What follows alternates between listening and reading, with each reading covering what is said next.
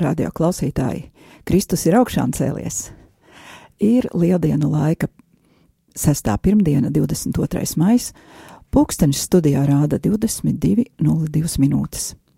Un līdz 22.30 ar jums kopā es Sandra Preisa. Jūsu radioaparātos vai datoros skan radio Marija Latvija un raidījums vairāk tevis manī. Šoreiz uzzināsim, kā tad beidzās svētīgās Imeldas Lambertīnī dzīves stāsts, ar kuru mēs sākām iepazīties iepriekšējā raidījumā. Svētīgā Imelda baznīcā ir iecelta par aizbildni bērniem, kuri gatavojas pirmajai komunijai. Tātad, ja jums kāds gatavojas pirmajai komunijai ģimenē vai paziņu lokā, lūdziet uz svētīgo Imeldu. Lai gan Imelda nebija mūķene, viņa dzīvoja Dominikāņu māsu klosterī un cītīgi pildīja klostera regulu. Protams, atbilstoši savam vecumam. Sprediķotāja ordenis mazo Imeldu pieskaita sava ordeņa svēto pulkam, lai gan viņa oficiāli nebija iecelta mūķeņu kārtā. Atgādinu arī raidījuma kontaktus. Ētera telefona numurs 679691 131, numurs izziņām 266-77272, e-pasts vairāk tevis manī at gmail.com vai sūtiet ziņojumus caur raidījuma Facebook lapu. Uh, īpašā gada, īpaši tad, ja raidījumam ir slikta skaņa, jūs to pamanāt, uh, dodiet ziņu uzreiz, jeb arī varbūt kāds cits defekts raidījumam. Un tāpat gaidīšu arī telefona zvanus, nu, ja gadījumā vēlaties parunāt par tēmu. Uh, informācija tiem, kuri raidījumu klausās Radio Mar Marija arhīvā. Uh, raidījumi šobrīd ir sašķiroti mapēs pēc raidījuma nosaukuma alfabēta kārtībā, un ir prieka vēsts tāda, ka ir parādījušies arī pagājušās sezonas raidījumi, kur ir pārtaisīti citā faila formātā, tagad viņi aizņem mazāk vietas. Tā kā jums ir iespēja klausīties vai ielādēt uh, savos datoros vai kaut kādās citās ierīcēs, uh, nevien šīs sezonas raidījums, bet arī pagājušās sezonas raidījums. Uh, pagājušajā sezonā mēs runājām par Dominikāņu garīgumu, par svētajiem, par mīlestību, svētās Katrīnas no Sienas mācībā, un lasījām izcilu Dominikāņu priesteru vēstules un sprediķus.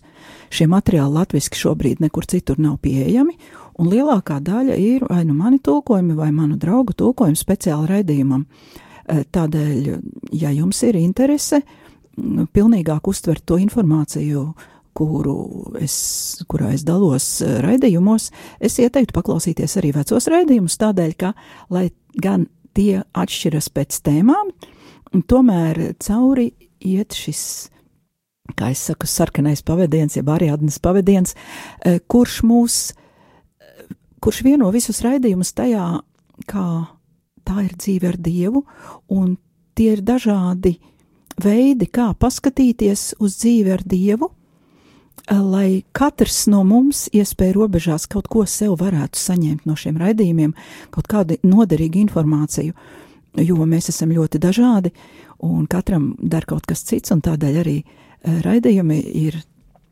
tā kā savienoti reizē, bet uh, tomēr arī ar atšķirīgu informāciju, lai nebūtu tā, ka kāds nav saņēmis galīgi neko. Lūk, tā kā iesaku klausīties un vēlreiz, varbūt atkārtojumos noklausīties šos redzējumus. Tāpat vēlos visu rādījumu arī kolektīvu vārdā pateikties visiem klausītājiem, kuri mums izsaka savu viedokli par raidījumiem, par radio darbību, jo tā mēs varam savu kalpojumu veidot atbilstoši jūsu vajadzībām un interesēm. Tā kā joprojām dzīvojam lieldienu laikā, tad šo raidījumu sāksim ar liturģiskiem laikam atbilstošu lūkšanu. Lūksim visos mūsu pašu un rādījumu arī atbalstītāju nodomos, kā arī par svētā Dominika sekotājiem Baltijā un Francijas provincē, un īpašā veidā paņemsim savās lūkšanās eh, trīs dominikāņu brāļus, kuri kalpo Baltijā, eh, un kuriem šodien ir 24 gadu priestrības gada diena. Tagad lūksimies Dieva tēva un dēla un svētā gara vārdā Āmen. Debesu karaliene līksmojies, aleluja! Tas, ko tu kā bērnu nesi, aleluja! Augšām cēlies ir kā teicis, aleluja! Lūdz Dievu par mums, aleluja! Priecājies un līksmojies jaunā Marija, aleluja! Jo kungs patiesi ir augšām cēlies, aleluja! Lūksimies, Dievs! Tev ir lapaticis ar savu dēlu, mūsu kunga Jēzus Kristus augšām celšanos, iepriecināt pasauli. Mēs tevi lūdzam, aizbilstot viņa mātei jaunajai Marijai, ļauj mums iemantot mūžīgās dzīves priekus caur Jēzu Kristu, mūsu kungu. Āmen!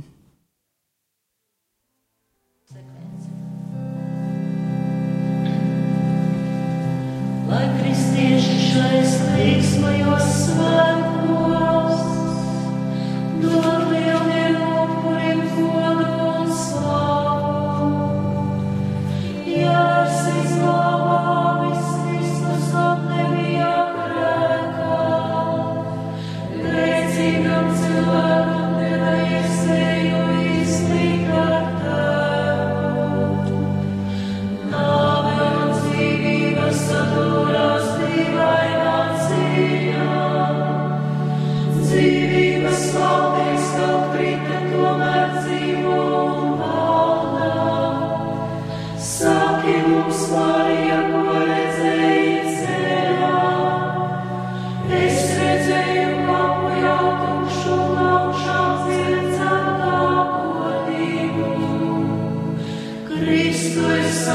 Holy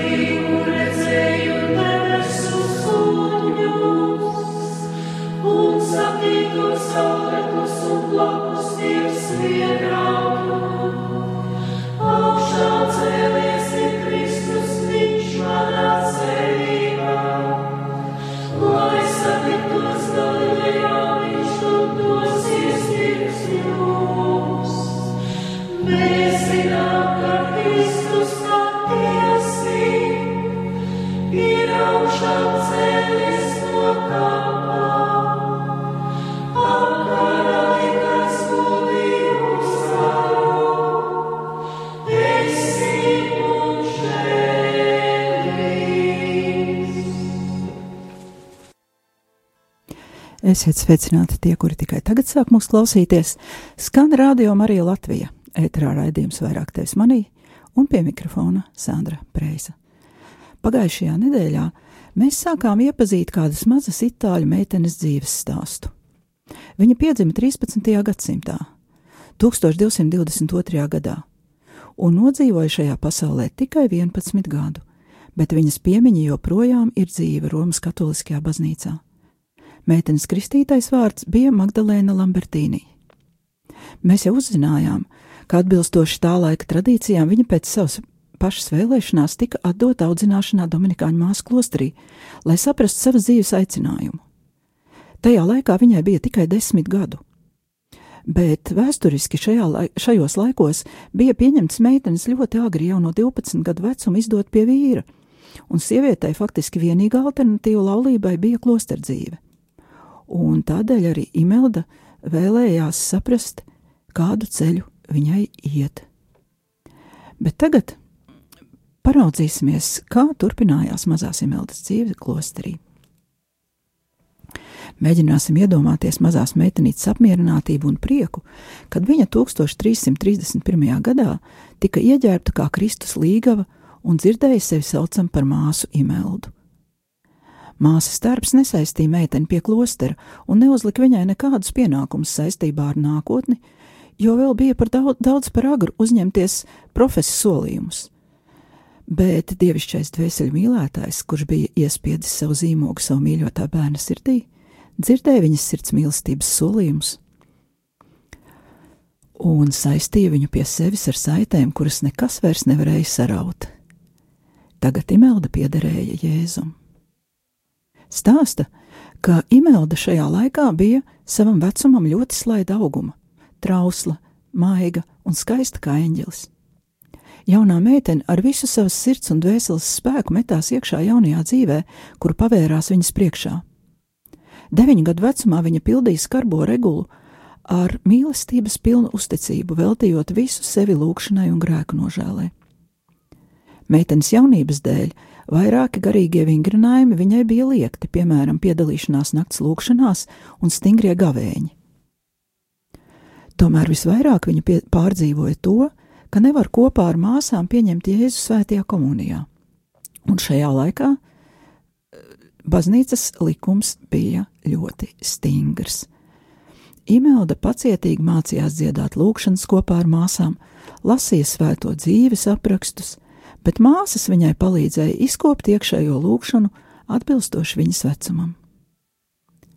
Kā jau bērns, kurš daudz laika pavadīja vientulībā, Imelda ilgojās pēc draugiem, un daudz lūdzās uz svētajiem, kuru dzīves stāstus viņa lasīja klostera bibliotēkā.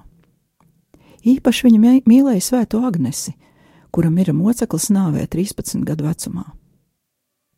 Leģenda stāsta, ka svētā Agnese sāka apmeklēt Imeldu vīzijās, un abas mazās meitenes savā starpā sačukstējās par debesīm. Pirmie Ziemassvētki klosterī Imeldei izvērtās ļoti sāpīgi.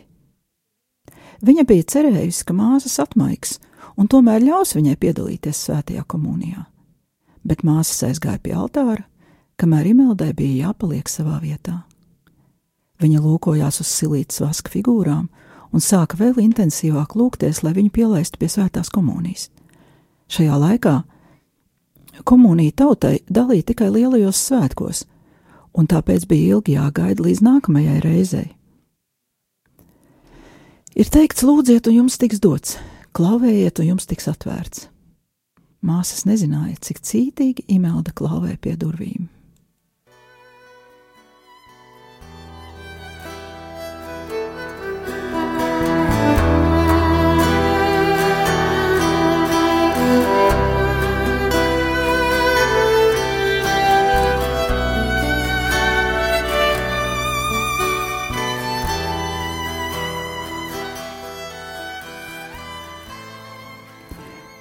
Imeldas lielā mīlestība uz Jēzu pieauga un šķīstījās caur viņas upuriem. Viņas dedzība ordeņa noteikumu pildīšanā padarīja viņu par paraugu pat vecākajām un svētākajām kopienas māsām. Līdzīgi kā mājās, tālākajā klostera dārza stūrī viņa uzbūvēja savu mazu kalvāriju, kurā viņai patika uzkavēties, lai klusumā un mierā meditētu savu dievišķā līgavaņa ciešanas un nāvi. Bet pāri visam Viņas sirds piederēja mīlestības sakramentā apslēptajam Jēzum. Ar katru savas būtnes šūnu un visiem dvēseles spēkiem viņa ilgojās pēc dienas, kad mūsu kungs savienosies ar viņu svētajā komunijā. Viņa atkal un atkal uzdeva māsām savu seno jautājumu: Pasakiet man, kā ir iespējams pieņemt Jēzu savā sirdī un nenomirt?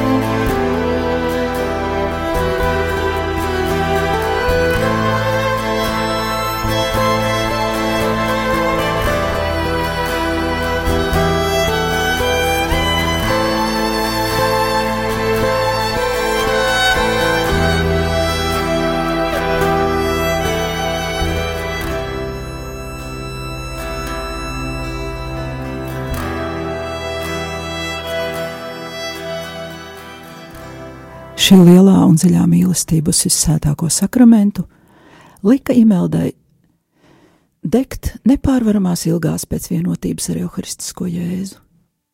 Kad pārējās māsas metās ceļos altāra priekšā, lai pieņemtu svēto komuniju, viņas acis pildījās ar asarām, kas lēni plūda pār viņas svaigiem. Ak, kad viņš nāks arī pie manis, viņa klusi čukstēja. Māsa zināja par Imeldas sirds ilgām, Viņas pazina arī meitenes šķīstību un dievbijību. Tomēr šajā laikā pēc baznīcas likumiem bērnus pie pirmās komunijas laida ne agrāk par 12 gadu vecumu, un māsas neko nevarēja palīdzēt. Tāds likums bija pieņemts, lai bērns pie komunijas ejot saprast, ko viņš dara un mācētu atšķirt Kristus miesas sakramentā no parastas maizes, jo ne jau visi bērni bija tik nobrieduši kā Imelda. Māsas mierināja Imeldu un teica, lai viņa nezaudē savu lielo mīlestību, un gaidīšanas laikā turpina lūgties tikpat neatlaidīgi. Meitenei tas izraisīja vēl lielākas sāpes. Svētās misas laikā viņa domāja par Jēzus ciešanām un lūdza viņam, lai viņš palīdz viņai panest šo atšķirības smago krustu. Kādam varētu likties, ka tas nozīmē, ka Jēzus ignorēja šīs maigās un mīlošās dvēseles saucienus, bet patiesībā viņš tikai šķīstīja viņas mīlestību un viņas dvēseli caur ciešanām, kuras ļāva viņai piedzīvot. Dievs mums dod krustu vienīgi tad, ja mēs caur to varam dot labumu, ja vien paši mēs to nenoraidām. Imelda savu krustu nenoraidīja. Ar pacietīgu izturību ciešanās vienojoties ar mūsu kungu un pazemīgi pieņemot viņa svēto gribu, meitene izpelnījās augstāku vietu debesīs un lielāku svētlēm mūžībā. Patiesībā tā nebija tikai Imeldas sirds, kur deg ar tik milzīgu intensitāti ilgās pēc savienošanās. Jo skaistāka kļuva meitenes dvēsele Dievu priekšā, jo lielāka kļuva arī kunga paša vēlēšanās pēc šīs pilnīgās vienības, un to bija arvien grūtāk ierobežot. Visbeidzot, pats kungs vairs nespēja ilgāk gaidīt. Imeldas klauvēšana tika uzklausīta, un durvis atvērās. Tas bija 1333. gada 12. maijs, un Imelda bija aptuveni 11 gadus veca. Viņa bija pavadījusi klosterī jau divus gadus, un tuvojoties Kristus debesīs uzkāpšanas svētkiem, meitenes ilgas pēc visvētākā sakramenta vēl tikai pieauga. Bet kamēr mūķens devās pie dievgalda, viņa vientuļa palika tupot uz ceļiem, kora stūrītī, dedzīgā lūkšanā izsakot savas ilgas un rūkti raudot, jo viņa nevarēja dalīties ar māsām viņu laimē. Kad mise beidzās, un priesteris jau bija aizgājis no altāra, kopiena devās savos ikdienas darbos – Vienīgi Imelda palika pustumšajā kora telpā un iegremdējās lūkšanā. Pēkšņi mūķenes, kuras jau bija ķērušies pie saviem ikdienas darbiem, sajūta debesšķīgu smaržu, kura piepildīja klostra telpas. Sekojot smaržai un meklējot tās avotu, viņas atgriezās koros, kur viņu acīm atklājās brīnumains skats. Starojoša hostija karājās gaisā virs Imeldas galvas meitenes debesu līgavainis bija uzklausījis viņas lūgšanu. Pārsteigtās mūķenes nekavējoties pasauca priesteri ar patēnu, lai gadījumā komunija nenokrīt zemē. Viņš atsteidzās ģērbies svinību tērpā, jo nebija vēl paspējis pārģērbties pēc svētās mises, un ar patēnu rokās pārsteigts nokrita ceļos, adorējot šo brīnumu un gaidot vēl kādu dievišķās gribas izpausmi. Tad hostija lēnām nolaidās uz patēnas. Priesteris saprata, ka šoreiz viņam vairs nav izvēles, un pasniedza svēto evaharistiju tik ilgi gaidījušajai meitenei. Mīlestības, prieka un pateicības uzplūds bija pārāk spēcīgs trausliem miesas spēkiem.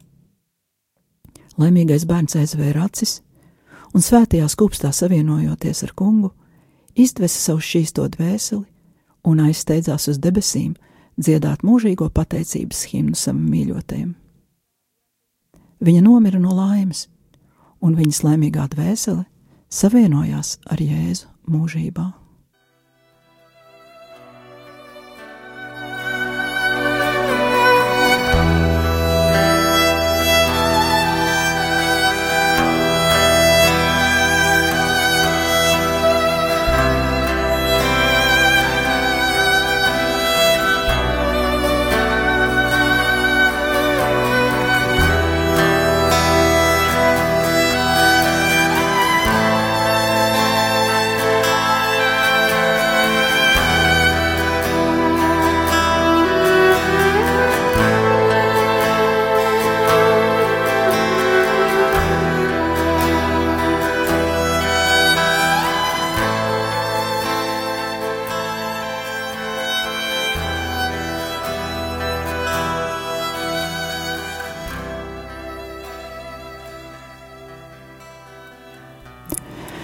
Imeldu beatificēja Pāvests Leons 12. 1826. gadā, bet 50. viņu iecēla par aizbildni tiem, kuri gatavojas pirmajai svētajai komunijai. Viņai par godu dažādās vietās ir izveidotas vairākas brālības. Šīs brālības 1900. gadā uzsāka kustību svētīgās imeldas kanonizācijai, bet tā joprojām ir procesā, lai gan ir notikuši vairāki brīnumi, kuri vēl gaida apstiprinājumu. Šajā sakarā imeldas ķermenis tika ekshumēts. Imeldas ķermenis tika atrasts bez trūdēšanas pazīmēm. Tas nozīmē, ka bez jebkādu konservantu vai citu ārēju apstākļu iedarbības ķermenis bija saglabājies neskarts 1300 gadus. Vēl joprojām tas izskatās kā dzīvs, liekas, ka meitene ir tikai aizmigusi.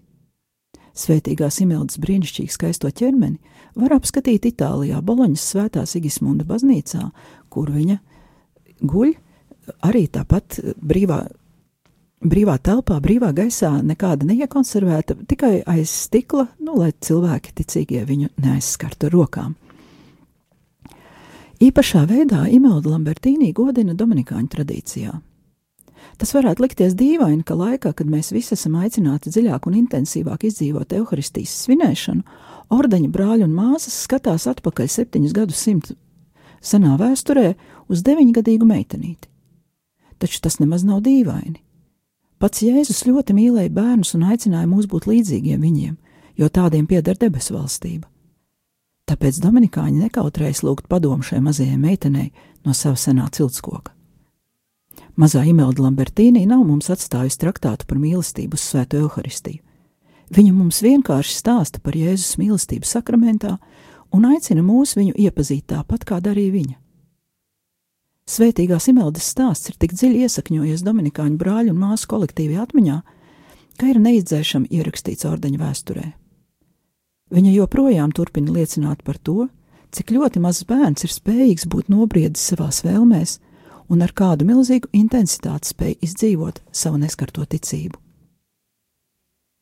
Imelda instinktīvi saprata to, ko daudzi no mums ir aizmirsuši, ka svētīgi ir sirds šķīstie, un ja mēs nekļūsim kā bērni, mēs neieiesim debesu valstībā, jeb, lai mēs kļūtu dziļi evaharistiski, mums nevajag kļūt pārāk sarežģītiem. Lūksimies, lai ar svētīgās imeldas aizbildniecību mūsu sirds iedegtos tādā pašā mīlestībā, kāda tik spoži deg viņas mazajā sirdī. Īpašā veidā lūksim par tiem, kuri vēl tikai gatavojas saņemt pirmo svēto komuniju. Protams, tas nenozīmē, ka mums būtu jāmirst no prieka brīdī, kad Jēzus ienāk atdusēties mūsu sirdīs, kā tas notika ar Imeldu pašu, bet mums būtu jāmācās arvien vairāk dzīvot ciešas mīlestības attiecībās ar mūsu dārgo kungu lai mūsu sirdis vienmēr ar patiesu mīlestību ilgojas savienoties ar Jēzu, lai Viņš var iemāļot mūsos uz visiem laikiem un nekad netikt izstumts mūsu vienaldzības vai grēku dēļ. Un īpašā veidā aicinu savā sirdīs aizlūgt par Dominikāņu priesteriem, kuriem šodien ir priesterības svētību gada diena. Lūksimies! Kungs Jēzu Kristu, kurš ievainoja svētīgo jauno imeldu, ar tavas mīlestības uguni brīnumainā veidā baroja viņu ar bezvainīgo hostiju un uzņēma viņu debesīs, piešķir mums caur viņas aizbildniecību, ka mēs spētu tuvoties svētiem Dieva galdam ar tādu pašu žēlastības pilnu dedzību, ka mēs ilgotos būt vienmēr ar tevi un varētu dzīvot tavā valstībā mūžīgi, kurš dzīvo un valdi mūžīgi mūžos. Āmen! Oh.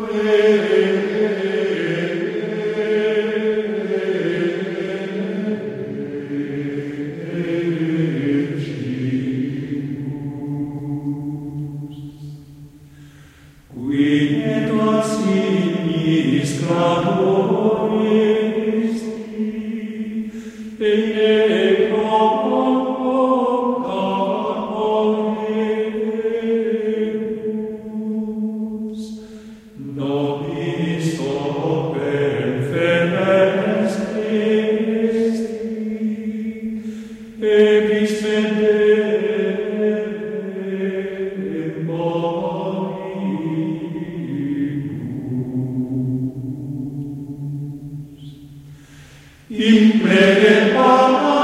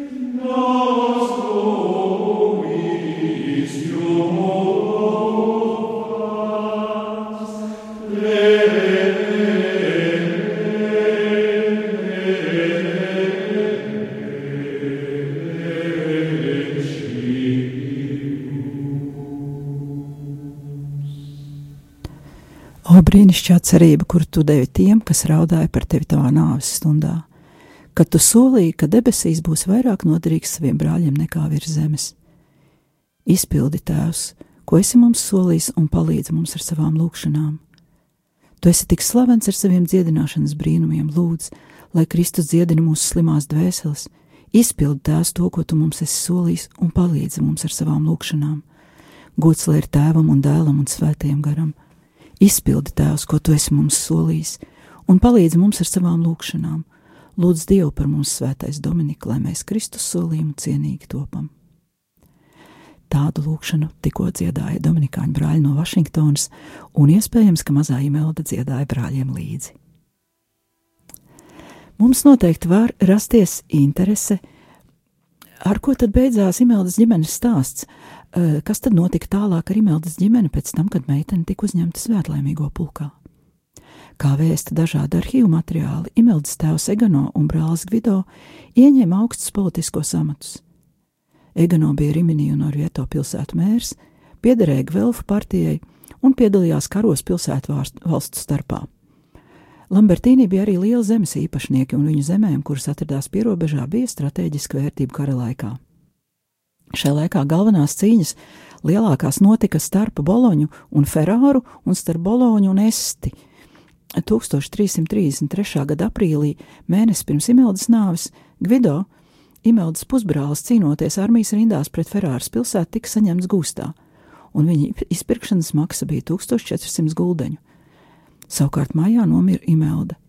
Ģimenei tie bija lieli pārbaudījumi, gan emocionālā, gan materiālā ziņā kad sakarā ar Gvelfu politikas norietu lielās domstarpības pilsētas starpā izbeidzās, Lambertīnī savas zemes pierobežā pārdeva Florences augstmanim Nikolo de Medici, un viņu darbība politikā uh, mazinājās. Pēdējās ziņas par Egano Lambertīnī ir no 1347. gada. Itālijā šajā laikā bija mēra epidēmija, un, cik var saprast, viņa sieva Kastora Imeldas māte jau bija mirusi, kad viņš lai glābtos no mēra, iestājās Kameduļu vientuļnieku klosterī. 1348. gada 16. jūlijā slimības laikā Egano sastādīja savu testamentu un pēc dažām dienām turpat klosterī arī nomira 66 gadu vecumā. Tam pašam Lambertīnī dzimtas atzeram pieder arī pāvests Benedikts 14. kristītā vārdā Prospero Lorenzo Lambertīnī, kurš bija pāvests no 1740. līdz 1758. gadam, un tam pieder arī kardināls Egano Rigi Labertīni, kurš eh, dzīvoja 20. gadsimtā un eh, nomira 2000. gadā, 94, 94 gadu vecumā. Viņu par kardinālu iecēla pāvests Jānis Pāvils II 1979. gada 30. jūnijā. Lūk, kāda svētīga ģimene. Un mēs redzam, ka Dievam nekas nav neiespējams, un Viņš dod, kad grib un kam grib. Un viņam nav šķērslis ne vecums, ne arī jaunība. Lai tas mūs visus iedrošina tuvoties Dievam un uzticēties Viņam, jo Viņš dod visu īstajā laikā. Šodien raidījums izskan. Es, Sandra Preisa, atvedos no jums līdz nākamajai pirmdienai, un lūksimies pēc Dieva mīlestības